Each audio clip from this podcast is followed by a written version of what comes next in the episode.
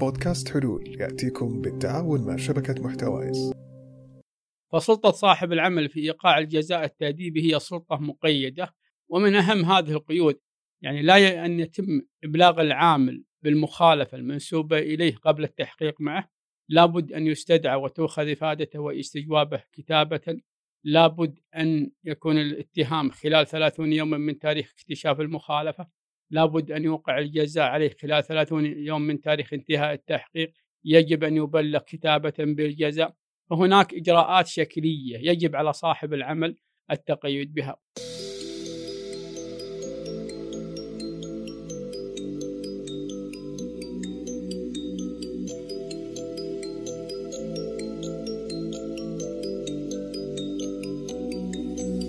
حياكم الله جميعا في بودكاست حلول البودكاست اللي نستضيف فيه جميع الأشخاص في مختلف المجالات. اليوم ضيفنا هو أستاذ سلطان إسحمة مؤسس ورئيس تنفيذي لشركة عضد المحاماة مساك الله بالخير أستاذ سلطان. مساك الله بالخير والنور إن شاء الله. أستاذ سلطان لو تعطينا نبذة بسيطة عن أستاذ سلطان وشركة عضد المحاماة آه، في البداية نشكر لكم هذه الاستضافة. بالنسبة لسلطان بن عبد الرحمن بن عساف السحمة وحاصل على شهادة البكالوريوس والماجستير في القانون وكان موظف حكومي من عام 2000 وبعد ذلك في عام 2016 فتح آه، مكتب محاماة باسم مكتب بن عساف للمحاماة. وفي شهر 3 2021 تحولت المكتب إلى شركة مهنية بشركة عض للمحاماة والاستشارات القانونية. ودنا ندخل أكثر عمقا على قولتهم. شفنا قرارات آه، وزارة الموارد البشرية والتنمية الاجتماعية بخصوص عقد العمل الموثق. ودنا نعرف وش هو هذا عقد عمل موثق ما هو أثر عدم التوثيق.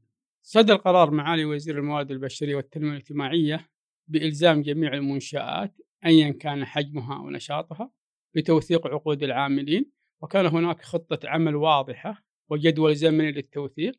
المفروض مع نهاية 2020 ينتهي توثيق جميع عقود العاملين. يترتب على عدم التوثيق غرامة مالية على كل منشأة. على كل عامل لم يتم توثيق عقده غرامة ألف ريال تتعدد بتعدد العاملين.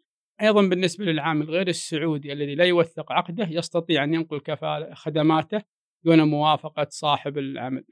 بالنسبة لأهميته أهمية توثيق العقود حتى هناك توجه من وزارة الموارد البشرية ومن وزارة العدل أن يتحول عقد العمل إلى سند تنفيذي فهذه بداية الخطوة في تحول إلى سند تنفيذي في أنواع كثيرة من عقد العمل سواء عقد محدد المدة ولا غير محدد ولا العقود العمل الموسمية.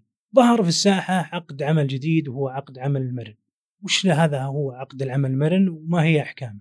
بالنسبة لعقد العمل المرن هو أحد أنماط العمل التي قامت وزارة الموارد البشرية مشكورا بوضعها في سوق العمل وهو وضعه خصيصا للعامل السعودي فقط وهو اللي يجوز له أن يعمل عند أكثر من صاحب عمل بعقد عمل من لا يخضع لنظام العمل إلا فيما يتعلق بشرط المنافسة فقط ولابد من تسجيله في التأمينات في فرع المعاشات فقط وهناك عد ويحسب في نطاقات إذا كانت عدد ساعات العمل في الشهرية 96 ساعة في الشهر الواحد.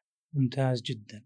شفنا توجهات من دول أوروبية بل وصدرت أحكام قضائية حول آه، تكييف العقد بين كباتن التوصيل آه، في مختلف التطبيقات ومع شركات تابعة لتلك التطبيقات. فتلك العلاقة هي علاقة آه، بناء على الأحكام القضائية هي علاقة تعاقدية عمالية أي أنها يحكمها عقد العمل أو بالأصح قانون العمل.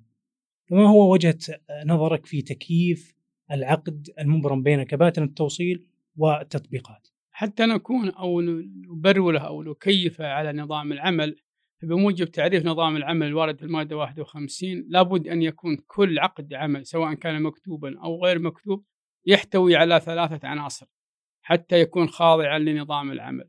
العنصر الأول هو الطرفين الطرف الأول والطرف الثاني اللي هو العامل وصاحب العمل.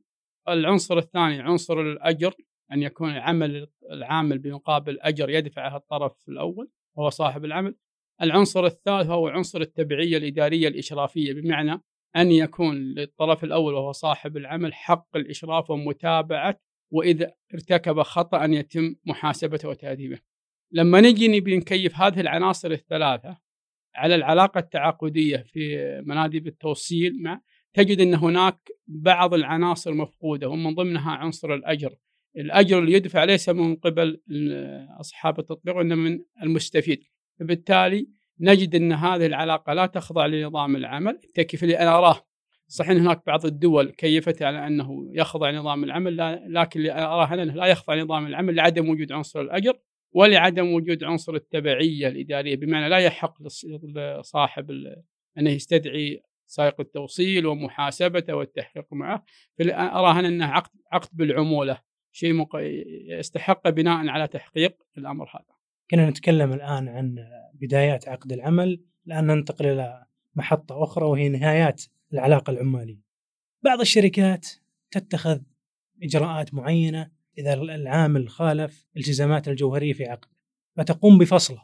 فهل هناك إجراءات معينة لابد للشركة أن تقوم عليها لكي يتم فصل العامل فصل مشروع لما نجي لعمليات الجزاءات التاديبية أول فصل نوع من أنواع الجزاءات التاديبية فنجد نظام العمل قد حدد ووضع الضوابط والإجراءات التي يجب على صاحب العمل التقيد بها. فسلطة صاحب العمل في إيقاع الجزاء التأديبي هي سلطة مقيدة قيدها المنظم في نصوص نظام العمل ابتداء من المادة 66 حتى المادة 72 من نظام العمل. ومن أهم هذه القيود يعني لا أن يتم إبلاغ العامل بالمخالفة المنسوبة إليه قبل التحقيق معه لابد أن يستدعى وتؤخذ إفادته واستجوابه كتابة لابد أن يكون الاتهام خلال 30 يوما من تاريخ اكتشاف المخالفة لابد أن يوقع الجزاء عليه خلال 30 يوم من تاريخ انتهاء التحقيق يجب أن يبلغ كتابة بالجزاء. فهناك إجراءات شكلية يجب على صاحب العمل التقيد بها ومن أهم من ذلك لابد أن يكون لدى المنشأة لائحة لتنظيم العمل تحتوي على الجزاءات والمخالفات والتي أوجب المنظم في مادته الثالثة عشر بأن كل منشأة لابد أن يكون لديها لائحة لتنظيم العمل وتعتمد من وزارة الموارد البشرية وأيضا يجب إبلاغ وإطلاع العاملين بهذه اللائحة. هناك إجراءات إذا صاحب العمل تقيد بها واتبعها صار المخرج النهائي صحيح لكن للأسف وما في الممارسات الخاطئة هناك خطأ في اتخاذ الإجراءات خطأ في عدم وجود لائحة مما يترتب عليها بطلان القرار النهائي مما يرتب على ذلك تحمل الشركة لأعباء مالية ومبالغ مالية بناء على هذه الإجراءات الخاطئة الآن لو بنتكلم عن العامل اللي يبغى يقدم استقالته كيف يستطيع هذا العامل أن يقدم استقالته بصورة صحيحة وما هو أثر تقديم الاستقالة؟ قبل ندخل في موضوع الاستقالة هناك غلط كثير ولغط عند الغالبية خيال الاستقالة أو الإنهاء بالإرادة المنفردة. الاستقالة تعتبر إرادة منفردة من قبل العامل لأنه يرغب بإنهاء عقده إذا قررنا الاستقالة بقبول فلا تعتبر إرادة منفردة.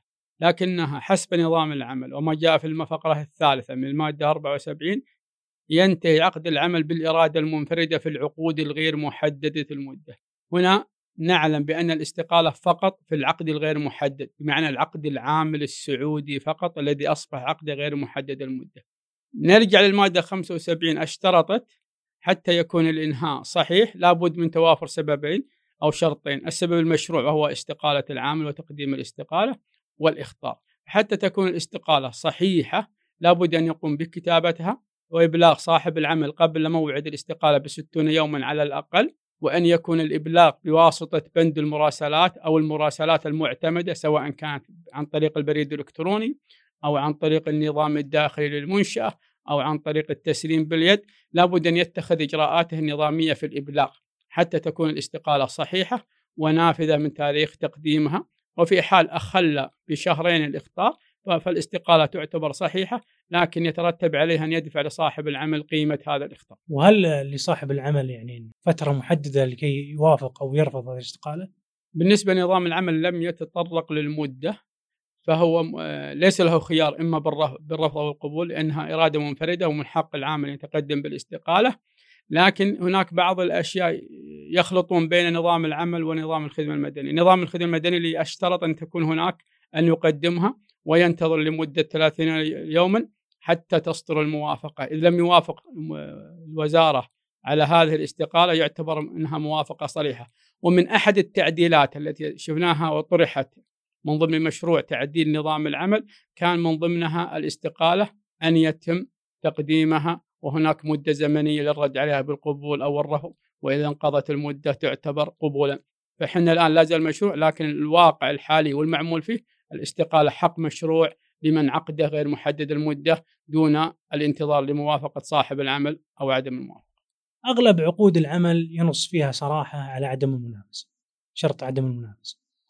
فودنا نعرف هل هو هذا هذا شرط عدم المنافسه يعني هل هو بالبلدي على قولتهم هو عبر على ورق ولا إنه خاص بفئات معينة من العمال مثل مدير إدارة أو مدير مشروع أو رئيس تنفيذي؟ لو انتقل إلى صاحب عمل آخر منافس له. لو نرجع لنص المادة 83 فيما وهي المحد المنصوص عليها بشرط المنافسة تجد في الفقرة الأولى إذا كان العمل المنوط بالعامل يسمح له بمعرفة عملاء صاحب العمل. نجد بأن الرابط أو القيد حتى أشترط على العامل عدم العمل في منافسة أن تكون وظيفته تسمح له بمعرفة عملاء صاحب العمل. مثل ما ذكرت المدراء الإدارات أو موظف المبيعات لابد أن تكون الوظيفة تسمح له بأن يطلع على عملاء صاحبه. هنا يكون جائز لصاحب العمل بشرط حتى يكون هذا الشرط صحيح وملزم به العامل أن يتم الاتفاق عليه في عقد العمل أو في اتفاق لاحق بمعنى يجب ويشترط لصحة هذا الشرط أن يكون محررا بمعنى مكتوبا ومحددا من حيث الزمان يعني سنتين كحد أقصى والمكان في الرياض في الوسطى في المملكة ونوع العمل. لابد أن يحدد نوع العمل. باطلاعا على غالبية العقود نجد هناك الصياغة فيها نوع من الخطأ. وبالتالي يعتبر هذا الشرط غير ملزم لأنه لم ينص على نوع العمل. يكون البند بصفة عامة فضفاض آه، يشترط أن لا يعمل لدى شركة تعمل في نفس مجال الطرف الأول. هنا ما حددت نوع العمل لابد أن يحدد نوع مثل لا يعمل لدى شركة تعمل في مجال التدريب في مجال التعليم في مجال المنشآت الصحية. لابد أن يحدد تحديد واضح لنوع العمل حتى يكون ملزم. إذا تم الاتفاق عليه فيعتبر شرط ملزم وفي حال خالف العامل هذا الشرط يحق لصاحب العمل إقامة الدعوة أمام إدارة التسوية الودية بمكتب بوزارة الموارد البشرية وبعد ذلك يحال للمحكمة العمالية. ننتقل إلى آخر محور عندنا اليوم.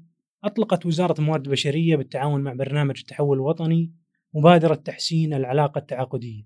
حدثنا أكثر عن هذه المبادرة. مبادرة تحسين مستوى العلاقة التعاقدية هي إحدى مبادرات وزارة الموارد البشرية وتحتوي هذه المبادرة على ثلاث خدمات خدمة التنقل الوظيفي وخدمة الخروج والعودة وخدمة الخروج النهائي وهي معنية بالعامل غير السعودي. لما نجي للمبادرة الأولى أو الخدمة الأولى وهي خدمة التنقل الوظيفي هي التي تسمح للعامل غير السعودي بحرية التنقل لصاحب عمل آخر دون موافقة صاحب العمل الحالي. لكنها اشترطت عدة شروط. من أهم هذه الشروط أن يكون عقد العمل موثق. مثل ما ذكرنا وش أهمية وجود عقد العمل موثق. ثانيا أن يكون للعامل تجاوز 12 شهر من دخوله المملكة العربية السعودية. ألا يكون على العامل أي قضايا. هنا إذا العامل استوفى هذه الشروط فهو يحق له أن ينتقل لكن ملزم بأن يشعر صاحب العمل قبل الانتقال بتسعون يوما أو يدفع المبلغ المقابل لهذا الإشعار.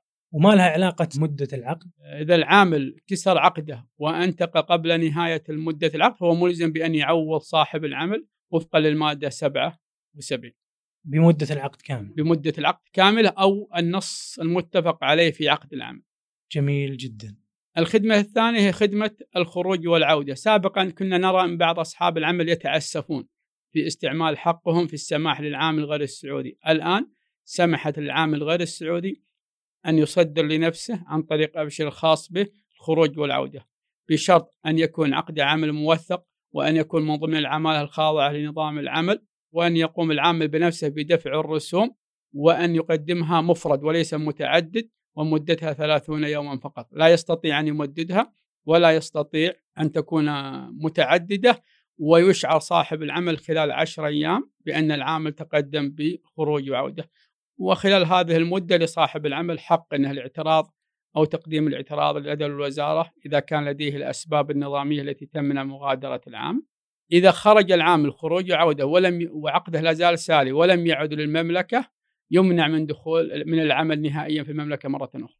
الخدمة الثالثة وهي خدمة الخروج النهائي وهي نفس شروط الخروج والعودة. أيضا إذا العامل كسر عقده وعمل خروج نهائي وغادر قبل نهاية عقده يحرم من الدخول للمملكة مرة أخرى والعمل بها مرة ثانية.